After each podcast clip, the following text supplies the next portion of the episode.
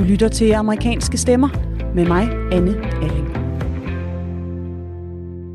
I believe that together we can make America great again. I can hear you. I can hear you. The whole world you. To those who are huddled around radios in the forgotten corners of the world, our stories are singular, but our destiny is shared. Sorry to keep you waiting. Complicated business. Complicated. I'm running because Trump is the president. And I think our democracy is at stake for real. My hope is in Jesus Christ. I know you guys hear me. I know you hear me. Turn to the living God, Jesus Christ, today. Surrender your entire life to Him and beg Him to save you. Det er en helt almindelig fredag morgen foran Montgomerys abortklinik. Den eneste i delstaten Alabamas hovedstad. Mens dagens patienter kører ind på gårdspladsen, prædiker demonstranterne mod dem fra fortorvet gennem deres megafoner. How you will provide for your family. Når patienterne stiger ud af deres biler, bliver de fuldt af klinikkens frivillige vagter, der iført regnbuefarvet refleksveste og med store paraplyer i hånden, skærmer kvinderne mod tilråbende og eskorterer dem op til indgangen. It takes a special type of person to be able to stand out here every day, to want to protect these patients and companions and staff who come in here. Helmi Henke har arbejdet som såkaldt klinikeskorte i Alabama i fire år og modtager, ligesom patienterne hun hjælper ind på abortklinikken, beskyldninger fra demonstranterne om at gå imod Guds vilje og dræbe det liv, han har skabt. Helmi har i løbet af de seneste år oplevet abortdemonstrationerne tage til i intensitet, i takt med at lokale såvel som nationale lovgivere har sat gang i politiske tiltag for at stramme den amerikanske abortlovgivning yderligere. Tiltag, der ofte er blevet stoppet i højesteret, men som antiabortbevægelsen nu har fået nyt håb om kan blive til virkelighed, efter at den liberale højesteretsdommer og kvinderettighedsforkæmper Ruth Bader Ginsburgs død. We have to talk. The opportunity the pro life movement has been waiting for for more than four decades is now here. Is now right here. And today I want to talk about the vacancy on the Supreme Court. Obviously, we are saddened by Ruth Bader Ginsburg's passing. We're praying for her, we're praying for her family.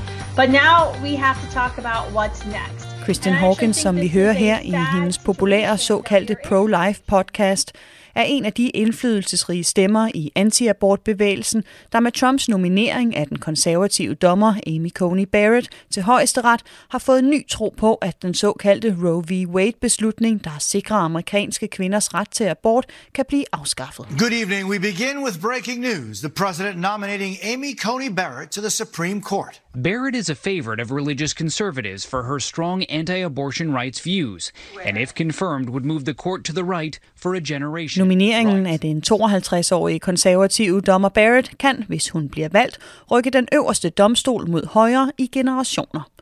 Et løfte om en mere konservativ domstol, som præsident Trump har givet, siden han trådte ind på den politiske scene, og som kan få afgørende konsekvenser for den amerikanske abortlovgivning. Et emne, der nok mere end noget andet splitter vandene i den amerikanske befolkning og er en afgørende faktor for, hvor amerikanerne sætter deres politiske kryds. Så hvor står den amerikanske abortdebat i dag? Hvorfor er abort så vigtig et politisk emne i dagens USA, og kan amerikanske kvinders ret til abort reelt afskaffes? Det er det, amerikanske stemmer handler om i dag, hvor vi skal møde kvinder, der kæmper for retten til at bestemme over egen krop, og høre fra dem, der mener, at de ufødte børn, ligegyldigt hvad, ikke må forhindres i at leve. Mit navn er Anne Alling. Velkommen til.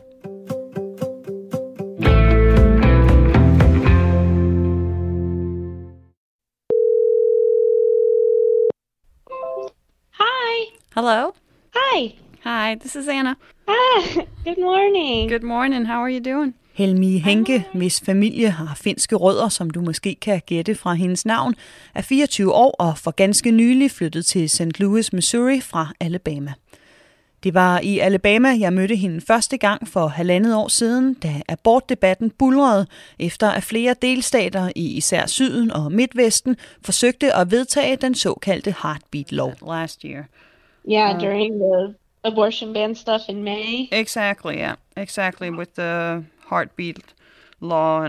That was such a tumultuous time. Heartbeat-loven, eller hjerteslagsloven, som den kan oversættes til, var et forsøg på at gøre abort ulovligt efter fosterets første hjerteslag, som kan registreres omkring 6. uge af kvindens graviditet. Tonight, Alabama's Senate is expected to approve a bill that would outlaw virtually all abortions. Supporters say they want to use this to directly challenge Roe v. Wade, the 1973 decision that legalized abortion nationwide. Heartbeat-loven var et stort skridt i retningen mod at afskaffe den såkaldte Roe v. Wade-beslutning i højesteret, der siden 1973 har gjort det muligt for amerikanske kvinder at få en abort, indtil fostret er vital, som det står i loven loven, altså indtil det kan overleve uden for morens mave. En tidsperiode, som lovgiverne nu vil have ned til 6 uger, og i blandt andet Alabamas tilfælde vil indføre sammen med fængselsstraf på op mod livstid til læger, der bryder med reglerne. What I think is that when God creates that life, that miracle of life inside the woman's womb, that it's not our place as humans to extinguish that life. Now you're in my womb. I want you out. Loven medførte store protester i både de politiske kamre og ude i det amerikanske samfund, men blev alligevel vedtaget af guvernørerne i adskillige delstater her i blandt Alabama. Beslutningerne blev dog straks mødt af sagsanlæg fra diverse rettighedsbevægelser og har siden stået i stampe i højesteret. Men selvom Heartbeat-loven ikke er en realitet endnu, så er det på ingen måde lige til at få en abort i USA i dag.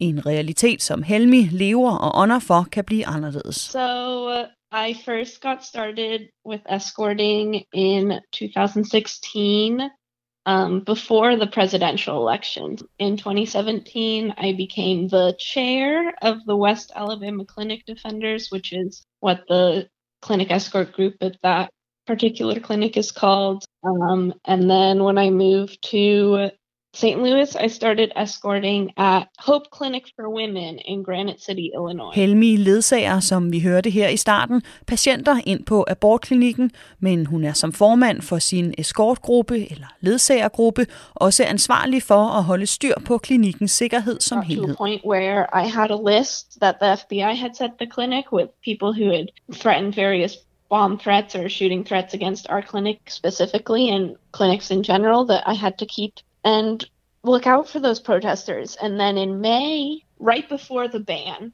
mm-hmm. um, there was an anti abortion community member who showed up at the clinic and hit an escort with his car while I was standing right next to her. Helmi er blevet udstyret med en liste fra FBI med de bombe og andre dødstrusler, klinikken og dets personale har modtaget og holder øje med demonstranterne, især efter tilfældet i maj, hvor en demonstrant kørte sin bil frontalt ind i en af Helmis kollegaer. Inde på klinikken har sygeplejerskerne en alarmknap klar bag receptionsskranken til hvis der kommer ubudne vrede gæster, og abortlægerne opgiver hverken navn til patienterne eller personalet, flyves ind fra andre delstater til at udføre aborterne, bor på hemmelige hoteller og går altid ind af bagindgangen, alt sammen i forsøg på at beskytte deres egen sikkerhed. I don't think necessarily every day when you go to the clinic, you're necessarily thinking, I'm putting my life on the line, but it's mm-hmm. always a very real possibility. And um, through my clinic escort work, I definitely think that I'm it just reaffirms my commitment to dismantle these barriers in any way I can, even against sometimes violent obstacles. Helmi tænker ikke hver gang hun går på arbejde på, at hun sætter livet på spil, men det er en tanke, der altid lurer i baghovedet og gør hende endnu mere overbevist om, at hun kæmper en vigtig sag. også selvom demonstranterne retter deres vrede direkte mod hende. This is the most poetic thing and a protester ever said to me. I'm going to burn eternally for each baby that I've ushered to slaughter. So a lot of talking about how people are going to hell. Um, Helmi vil brænde i helvede for hver baby, hun har hjulpet til slagtning, lyder det mest poetiske, som hun siger det, tilråb hun har fået. Tilråb, der stort set altid bunder i en religiøs analyse, men på en måde, som Helmi, der selv er kristen, ikke mener er intentionen med Guds ord. They feel empowered and entitled to come and harass um, these patients because, you know, they see it as saving them. And there's just sometimes a disconnect in compassion for this fetus mm-hmm. and for the people who seek abortions who are in a variety of circumstances. Only God can judge. Kvinder, der kommer til klinikken, har alverdens forskellige baggrunde og et bredt spænd af årsager til, hvorfor de ønsker at ende deres graviditet. Og det er ifølge Helmis mening ikke i mennesket magt at afgøre, hvorfor de skal have lov til at gøre det eller ej. The protesters have to stand at the edge of the parking lot, Mhm. but they still get really loud and they really try and coax people to go over there. Um, and if people go over there, they provide them with um, uh, inaccurate medical information, um, try and shame them or scare them into not having an abortion, um, promising all kinds of help that they are unable to actually provide. Um, you know, paying for their rent, their car, their health insurance, their Target runs, their cable bills. Tæt op af hegnet, som demonstranterne ifølge loven om privat ejendom ikke må passere, supplerer de deres tilråb til kvinderne om Gud og frosterets ret til at leve med tomme løfter om at hjælpe mødrene med at betale deres husleje, forsikring og elregninger. Men det er ifølge Helmis oplevelse en misforstået opfattelse, at kvinderne i en betydelig grad står til at omvende. Another thing that is a misconception is people think abortion is the hardest decision a person will have to make. And for the majority of people, it's not a difficult decision. Um, Mhm. Overwhelmingly, the feeling that people have following their abortion is relief. And of course, there are people who still feel sad and grieve and guilty and um, such, but and we have to make room for them and face them and validate that as well.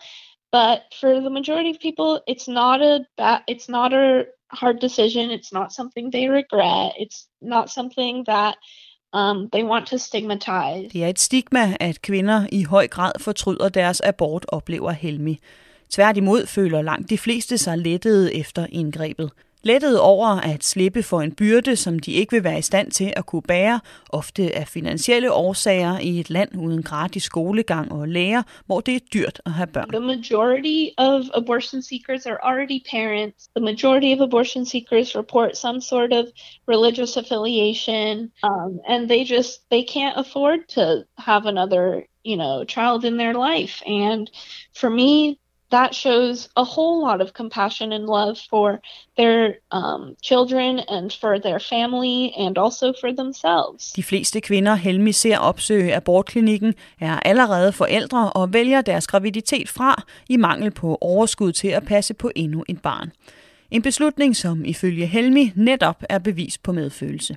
Og det var præcis sådan en situation, som kvinden, vi skal møde nu, stod i, da hun blev gravid som 23-årig. Hello. Hi, can you hear me? Yes, I can hear you now. Hi, Beth. Hi, how are you? I'm good, I'm good. How are you doing? Beth Weil er født og opvokset i Portland, Oregon på den amerikanske vestkyst og gik igennem en abort for tre år siden, der var tæt på at ruinere hende både mentalt og økonomisk. Um, so I had my abortion in 2017. So what ended up happening for me was um, I have um, some chronic health issues. The one of them being polycystic ovarian syndrome. So I don't um, I don't menstruate. I don't have a lot of the typical symptoms of getting your period. And so and when I do, they match up pretty pretty closely with what mine might, one might experience uh, when they are pregnant. Beth har en diagnose, der gør, at hun for det meste ikke får sin menstruation, og når hun gør det, er det i meget små mængder, der minder om, hvad man kan opleve, når man er gravid. So um, for me, I didn't know I was pregnant for quite some time. Um, I had taken a pregnancy test and got what, what I would later find out is a false negative. Hun vidste derfor ikke, at hun var gravid, og graviditetstesten hun tog, da hun syntes, hun havde en mærkelig fornemmelse i kroppen, viste sig at være ugyldig. Um, so it was from there that we took another test and we did some more more thorough testing, and I did find out I was pregnant. Um, but because I don't menstruate, we couldn't determine how, how far along in the pregnancy I was. Hun tog til lægen, der fortalte hende, at hun var gravid, men fordi hun ikke får sin menstruation, kunne hun ikke sige noget om, hvor langt hun var henne. Beth var i et dårligt forhold med en voldelig kæreste, var under uddannelse, havde ingen indkomst og følte sig på ingen måde i stand eller klar til at blive mor. Did you have doubts on whether you should have the abortion or not? Was it a hard decision? Um, I wouldn't say that's that's tough. Mm-hmm. Um, did I know I wanted the abortion right away? Yes, I knew I didn't want to be pregnant. I knew I didn't want to parent. I knew it was not the time. Um, but I did. I, it was emotional for me. Yeah. I, I didn't take the decision lightly, um, and that. But that's just me. Um, you know, I I felt betrayed by my Mhm. body for having not known for so long, and that made the decision um, much more emotional for me. Yeah. But I knew it's what I wanted. I knew it was the right choice, um, and so I was very had my like very diligent, very had my sights set on figuring out what I was going to do. Beth følte sig forrådt af sin egen krop, men samtidig sikker på, at abort var den rette beslutning, og gik stålfast i gang med at lede efter en klinik, der kunne hjælpe hende. Et projekt, hun var alene om, efter hendes forhold nu var endt, og hun på det tidspunkt ikke var på talefod med sin familie. From there, I ended up at a crisis pregnancy center. So the one I ended up going to was right next door to a Planned Parenthood. Mm. Um, this one was just on the main street, and the Planned Parenthood was on a side street. Fordi Beth ikke havde noget job, havde hun heller ingen sundhedsforsikring, og derfor ikke råd til at betale for en ultralydsscanning hos sin lokale Planned Parenthood-klinik. Men på den anden side af vejen fra klinikken fandt hun et såkaldt Crisis Pregnancy Center, et krisegraviditetscenter, der modsat almindelige jordmøder tilbød ultralyden gratis. Centre som Helmi har en stor erfaring med. In the United States, there's also these places called crisis pregnancy centers, which um, their entire point is misleading people into not having abortions. Um, I'm unsure about the number of crisis pregnancy centers in Missouri, but in Alabama, I had an eight page list of all the crisis pregnancy centers, and there's only three clinics. So that's so many communities around the state that don't have, you know, don't have access to that information about abortion and are being misled. Helmi har en 8 sider lang liste over krisegraviditetscentre i Alabama, mens der kun er tre egentlige abortklinikker i staten. Det er centre, der ved hjælp af diverse metoder har til formål at tale gravide kvinder fra at få en abort, heriblandt gennem misledende ultralydsscanninger. The person doing the ultrasound will tell them that they're earlier along than they are, so they think they have more time to think about it, or that um, will not tell them they're pregnant at all, or tell them they're later along than they are, so they think they don't have a choice. Lægerne på centrene, der typisk ikke er medicinsk uddannede, fortæller patienterne, at de er kortere henne, end de egentlig er, for at få kvinderne til at gå over tid, mens de overvejer deres beslutning, eller fortæller dem, at de er længere henne, end de egentlig er, for at få dem overbevist om at beholde barnet. Alt sammen noget, som Beth ikke var klar over, da hun gik ind på sit graviditetscenter i Portland for at få en gratis ultralyd.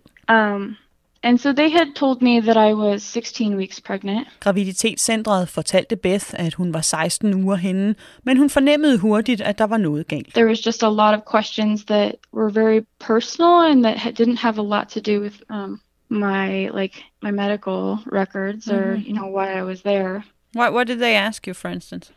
Oh, they just asked me about like um, my home life and where what I did for work and what my relationship with um, my partner was, um, or my former partner at that point in time. Mm-hmm.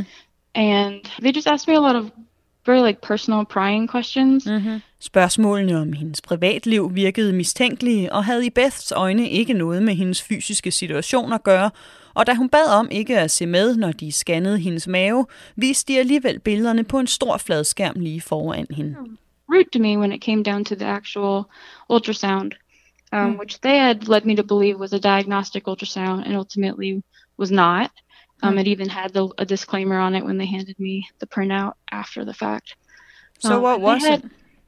Um, it was it was an ultrasound, but they weren't measuring anything. They weren't determining. Like they were basically just taking images to confirm I was pregnant. Mm. And showing you the images as well? Yeah, even though I had asked not to see them, mm. um, they had projected them on a large screen. Da hun efter en uges frem og tilbage endelig fik resultaterne fra scanningen, viste den sig ikke at indeholde nogen af de nødvendige informationer om fosterets størrelse, og hun opsøgte derfor sit lokale hospital, hvor hun fik sig noget af en overraskelse. So I went to the hospital.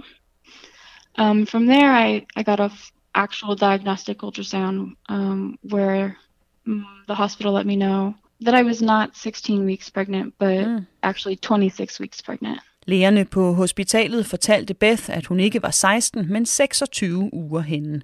Fire uger over grænsen for, hvornår abort er lovlig i USA. I was I was furious.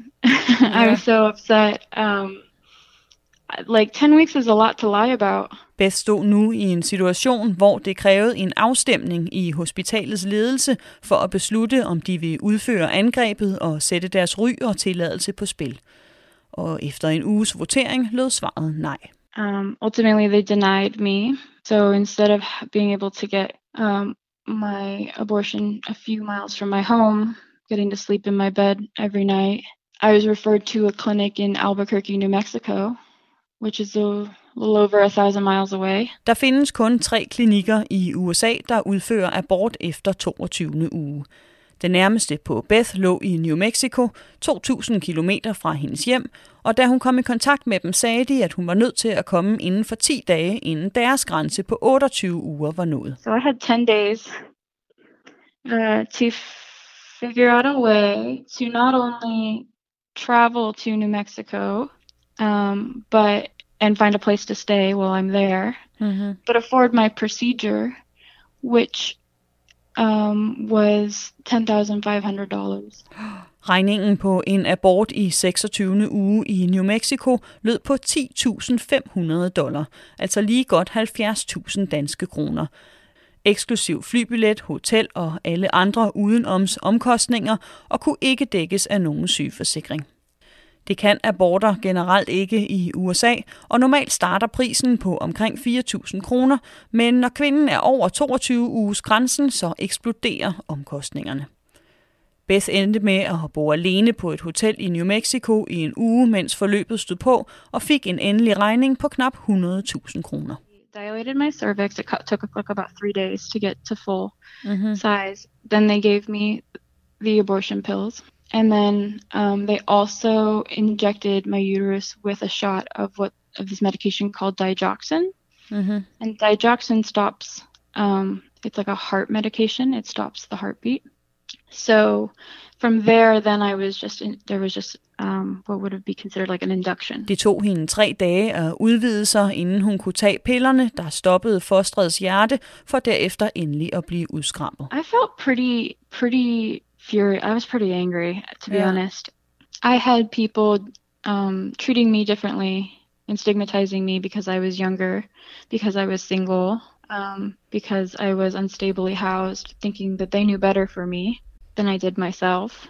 Um, and then I learned that there are, you know, there are laws that you know that set it up so that people who access abortion are stigmatized if they do, and they're stigmatized if they don't. Beth føler sig stigmatiseret som en ung, enlig gravid kvinde. En stigmatisering, som hun mener, hun både ville møde, hvis hun fik aborten, og hvis hun havde valgt at blive enlig mor under fattigdomsgrænsen. En diskriminerende opfattelse, der ifølge Helmis erfaring er udbredt i USA. A common argument is that abortion for rich white women, they'll be able to fly to another country or another state. But, you know, people who live in low income communities, which are disproportionately black people and people of color in this country, don't have access to those same resources to be able to do that. De høje omkostninger omkring abort rammer især den fattige del af befolkningen, og Helmi kender igennem sit arbejde til flere unge amerikanere, der er endt med at udføre deres egen abort derhjemme med en pincet. Simpelthen fordi de ikke har haft råd til eller har været bange for stigmatiseringen ved at gå til egen læge. Det er en modstand mod abort, der ligger dybt i samfundet, og som du ofte støder på, især i syden, hvor abortmodstandernes billboards fylder i vejkant. From Missouri to Alabama or vice versa, there's dozens of billboards, even in the St. Louis area, that say things like, a baby's heartbeat begins at eight weeks or whatever or you know everyone who supports abortion has already been born or Mhm. in order for a human's life dreams to come true they have to have a life and stuff like that. So you know even in areas without clinics there's this fear mongering stigmatizing um, force Abortmodstanderne dyrker, ifølge Helmi, en kultur af frygt og rygter, mens mange andre amerikanere ser Helmis holdning og det arbejde, hun gør, som den forkerte filosofi og måde at respektere mennesket på.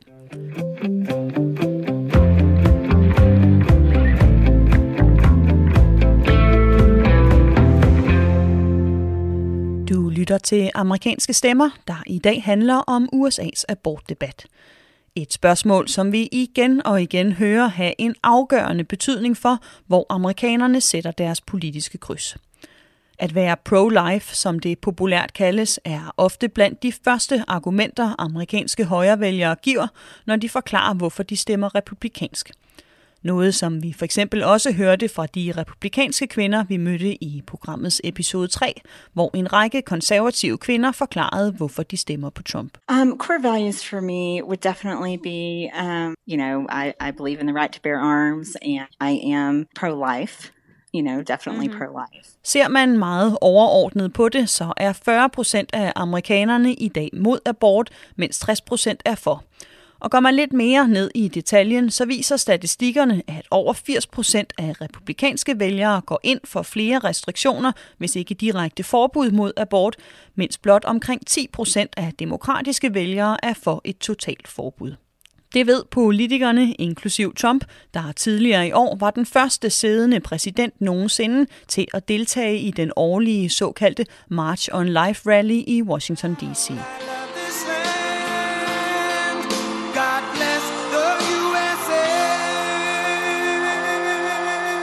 Unborn children have never had a stronger defender in the White House. And as the Bible tells us, each person is wonderfully made. De amerikanske pro-life argumenter hører stort set altid direkte sammen med en henvisning til Gud. Både her hos Trump, men også hos kvinden, vi skal møde nu. You. Oh no, that's okay. How did it go? It went very well. It went Yeah? very well to the end, but that's okay because.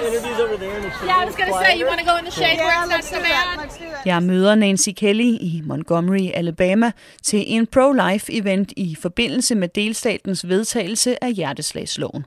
Hun er lige kommet ned fra talerstolen foran byens rådhus, hvor hun har holdt en tale foran de hundredvis af fremmødte om sin erfaring med abort. And have you always been have you always been connected to a church?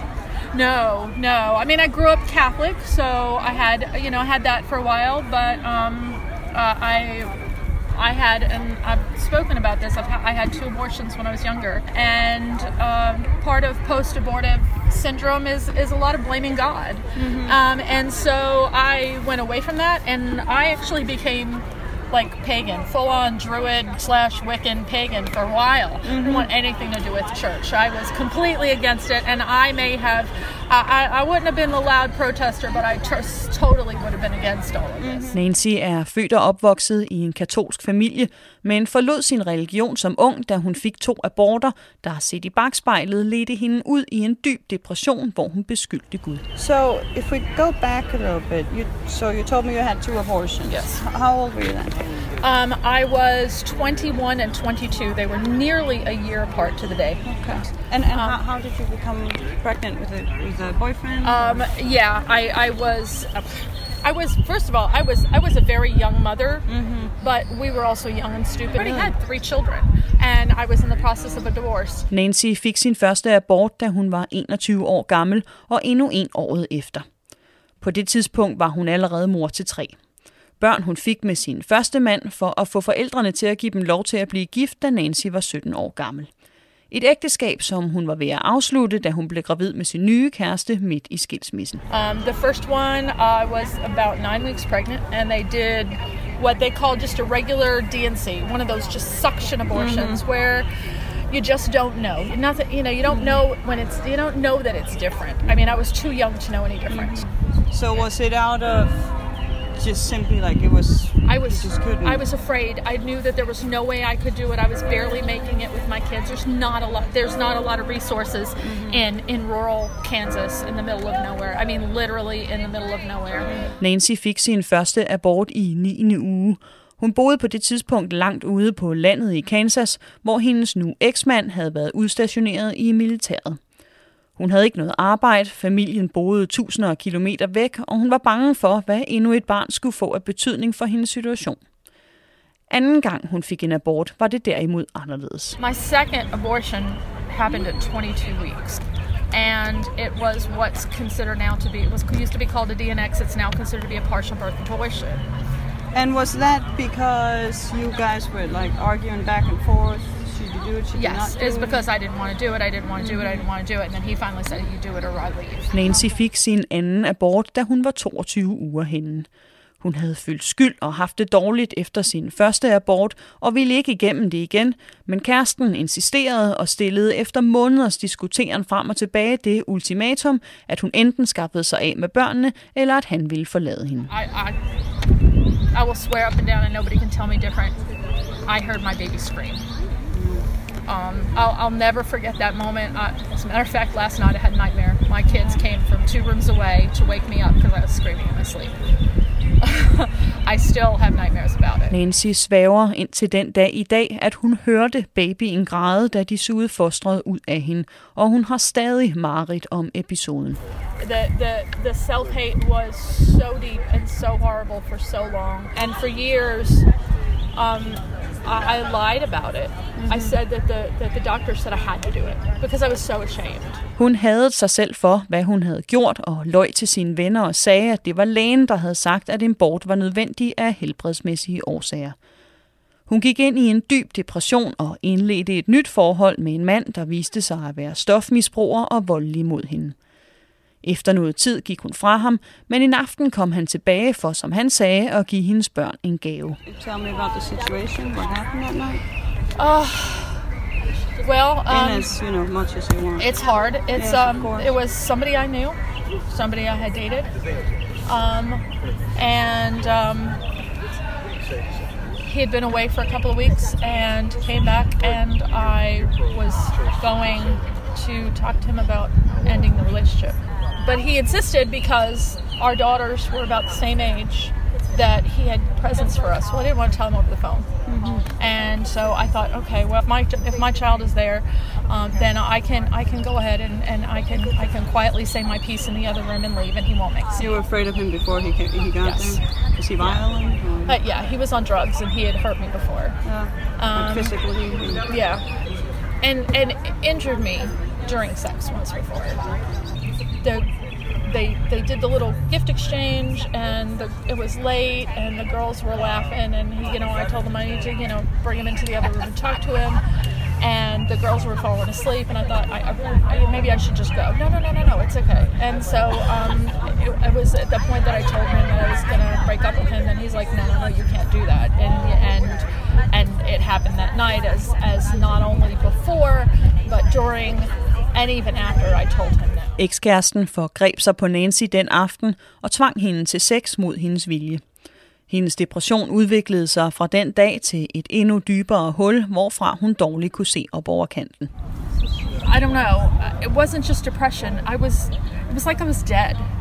Efter episoden tog det hende måneder, før hun blev opmærksom på, at noget føltes anderledes i hendes krop, og hun kom til lægen. Oh, she's like, "You're measuring big. Are you sure?" I'm like, "Yeah, I'm sure." And I told her the story, and she's like, "Okay, well, you need to get an ultrasound." And she confirmed that not only was I pregnant, but I was I was pregnant with twins. But the ultrasound was right there in front of me. I looked at these babies, and uh, she said, "Well." She said, "You're 22 weeks." She said, "I can I can perform an abortion for you. It won't cost you anything because it's illegal, but I can do it here in the hospital, so you'll be safe." She offered to do it illegally. Yeah, and I I said absolutely not. Lægen fortalte Nancy, at hun endnu en gang var 22 uger henne, denne gang med tvillinger, og tilbød at udføre en abort, selvom det var ulovligt. Men denne gang sagde Nancy nej, og det er den episode, der har bragt hende til, hvor hun er i dag, og hvorfor hun valgte at fortælle sin historie til pro-life-rallyen i Montgomery. But I can talk about it because my children healed me. They are my healing. They, I didn't just save them by choosing life for them.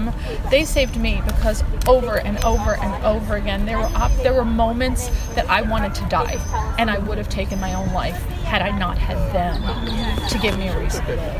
Tvillingerne fra overgrebet reddede Nancys liv, fortæller hun.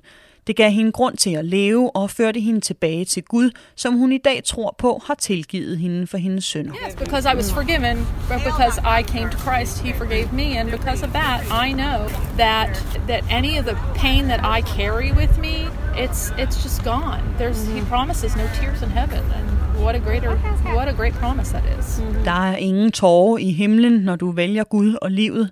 Det er budskabet, hun tager med op på talerstolen, og er grunden til, at hun i dag er fortaler for et hvert forbud mod abort, også når det gælder graviditet som følge af voldtægt og incest. Alabama and Georgia have passed their widely decried heartbeat bills. These laws ban the termination of a pregnancy after six weeks, even if the woman has been raped, even if the fetus is not viable. They make no exception. And not surprisingly, these bills have been rather controversial. This is the most extreme abortion ban that's ever been passed. Med til Heartbeat-loven, der blev godkendt af guvernørerne i blandt andet Alabama, Georgia og Louisiana sidste år, hører ingen undtagelser for kvinder, der er blevet gravide under voldtægt eller incest.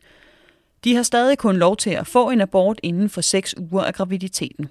En lov, som Nancy mener skal afskaffes for dermed at udvide Heartbeat-loven til et decideret forbud. But the six weeks ban and the, the way it's, it's presented from the from the government, that's the, the right direction to make a six weeks ban, or do you think it should be even I, I more think or less? I personally don't think there should be abortion. Period. Um, I I I think that there are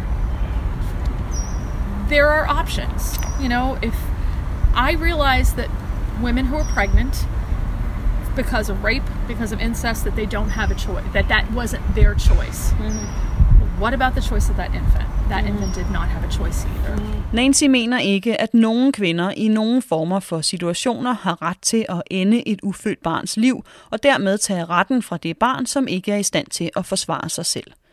Der er altid en mulighed, også for børn af kvinder, der er blevet udsat for incest. Does that count for like children of, of incest as well?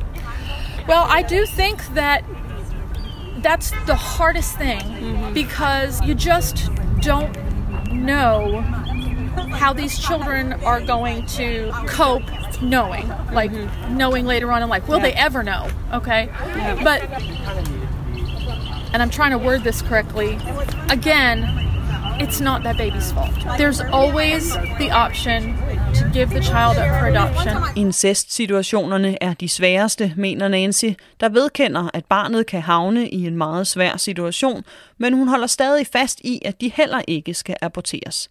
Blandt andet fordi der altid er muligheden for at adoptere. There are also people saying there are so many people in this world. Global warming, we're just too many.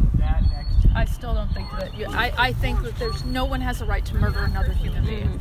It's, uh, there's there's just no there's no getting around it. It it just I don't care how many people there are in the world. Uh, there are plenty of places that are. You can look at London where the houses are this close together, and you can look at here where I mean there's, there's almost a half a mile between me and my neighbor. If I were to stand here and murder one of these human beings around me, I would go to jail. Now I'm not. I, I, I just think that if that's illegal, why can't that be illegal? Heartbeat-loven er den strengeste abortlovgivning nogensinde vedtaget af delstater siden Roe v. Wade gjorde abort lovligt i 1973.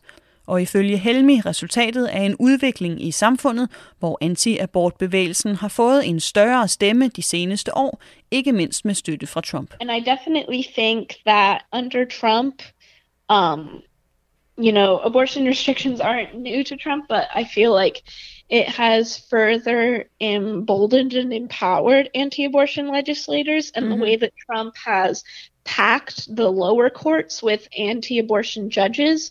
These anti abortion legislators feel like they can pass these extreme restrictions, which were even extreme by anti abortion standards. You know, they didn't think these would get um, upheld, maybe even a few years ago, but now they feel like they can um, they can have this abortion restriction, they can pass it, it'll get upheld by a lower court, and you know if um, repro advocates decide to appeal it all the way to the Supreme Court, then they can win the competition of who was the first to overturn Roe. And Der er ifølge Helmi tale om et kapløb blandt konservative lovgivere om at være den første til at afskaffe Roe v. Wade.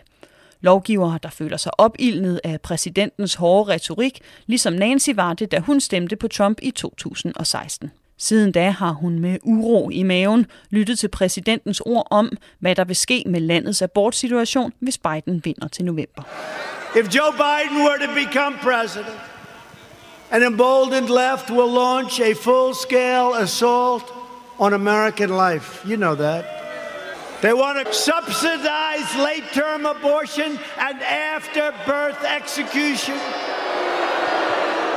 Trump har i løbet af de seneste år fortalt historier på sine rallies om læger, der udfører abort i 9. måned og slår nyfødte børn ihjel på deres klinikker.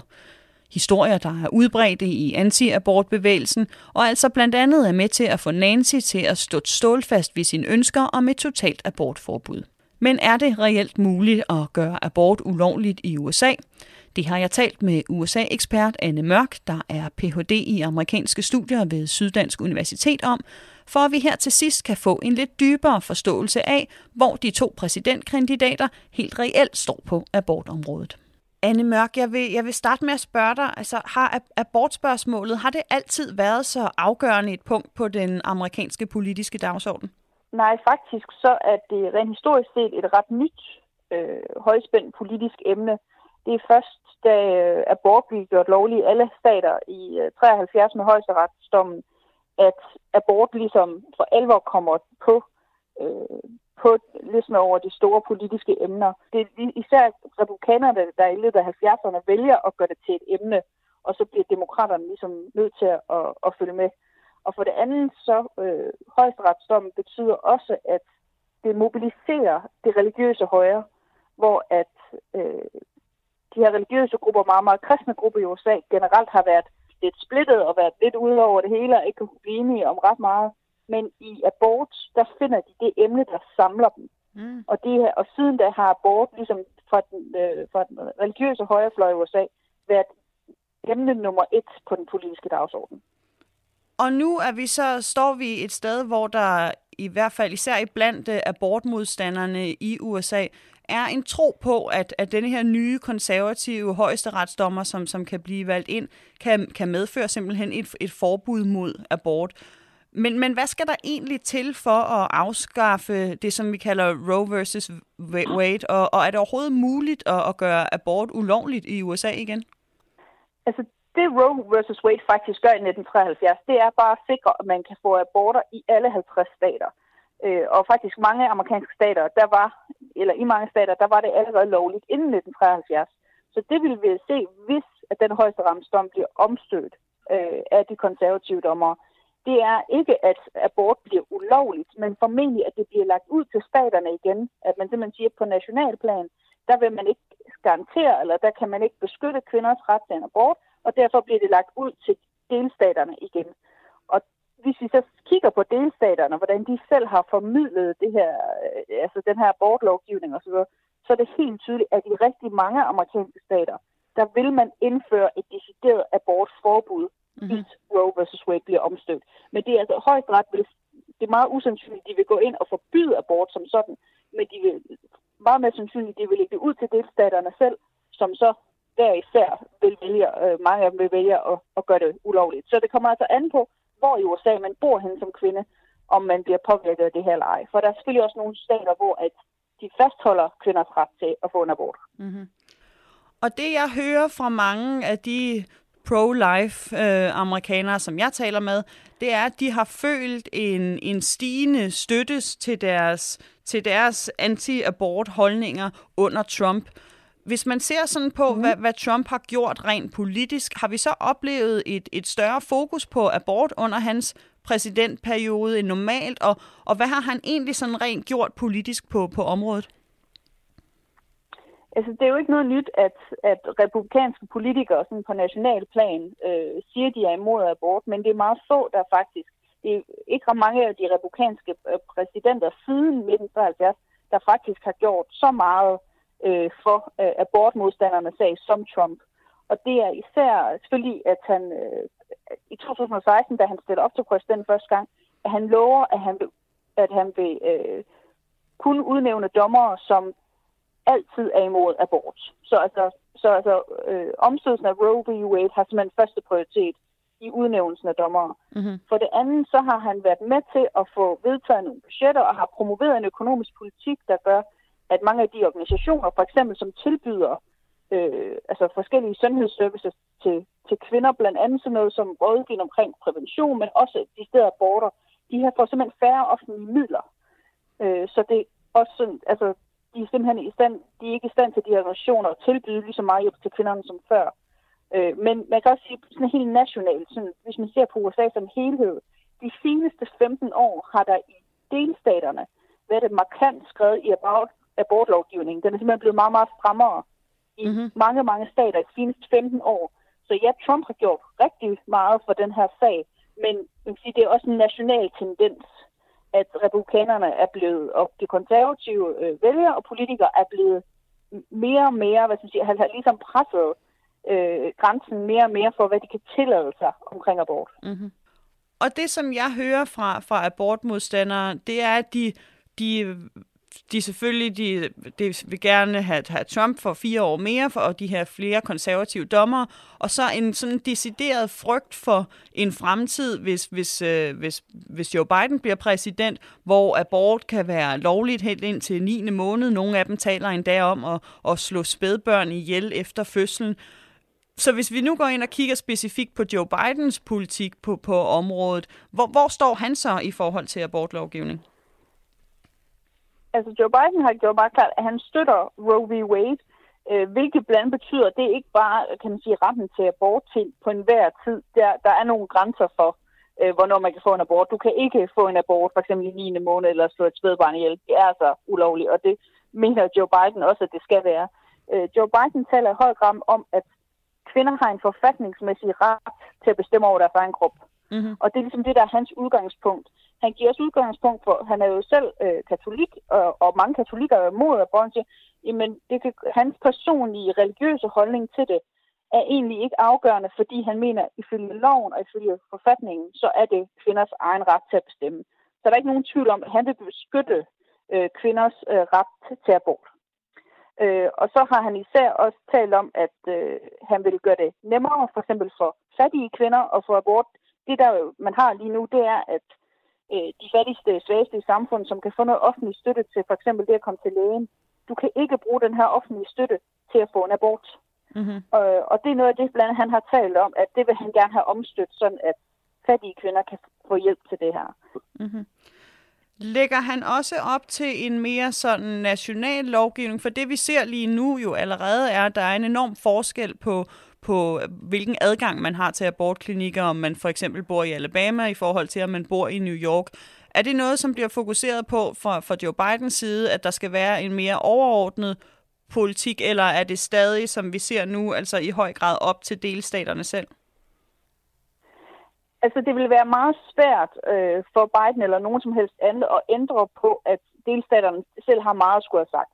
Mm-hmm. Det Joe Biden han er fortaler for, det er, at man skal have lavet nogle love, der ja, ja, lidt højere grad måske en ensretning af loven omkring delstaten, men mest af alt, at man skal have en lov i USA, der siger, at, øh, at kvinder har ret til abort indtil den og den uge osv. Fordi lige nu, der er det altså en enkelt stemme i USA's højesteret. Det er det, der afgør, om det er ja eller nej, kan man sige.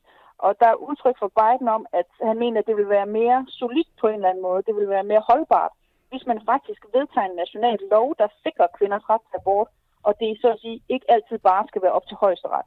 Mm-hmm. Øh, og man kan sige, at der skal rigtig meget til, inden højesteret omstøder tidligere domme.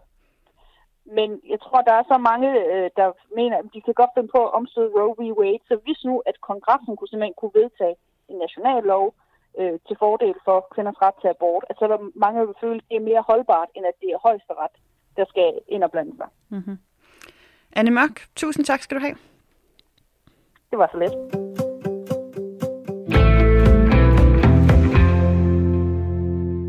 Det var alt fra dagens amerikanske stemmer i en uge, der både stod i højeste retstegn efter Amy Coney Barretts nominering i weekenden, hvor New York Times kunne afsløre, at milliardærpræsidenten Trump ikke betaler skat af sine mange firmaindtægter, og hvor præsidentkandidaterne Trump og Biden for første gang støtte sammen i en direkte tv-duel.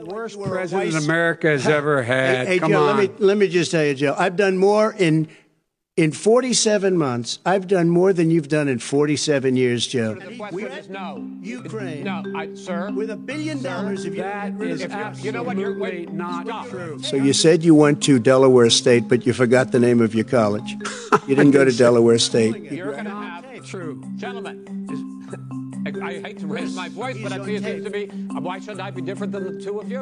Vote now. You're gonna pack the Make court? sure you, in fact, let people know He doesn't wanna you're a senator. question. I'm not going to answer the question Why because answer that because question? the question is the question is justice the radical En duel, der gik i mudderkastning lige fra startfløjt, og ifølge de efterfølgende meningsmålinger ikke rykkede noget på vælgernes beslutning om, hvem de vil stemme på, når der er valg om lige præcis en måned og en dag. Jeg er tilbage inden da, og husk, at du altid er velkommen til at sende spørgsmål og kommentarer til mig og programmet. Jeg er at fange på amerikanske stemmer, snabelag radio4.dk. Mit navn er Anne Alling. Jeg håber, vi lyttes ved i næste uge, og indtil da, stay safe.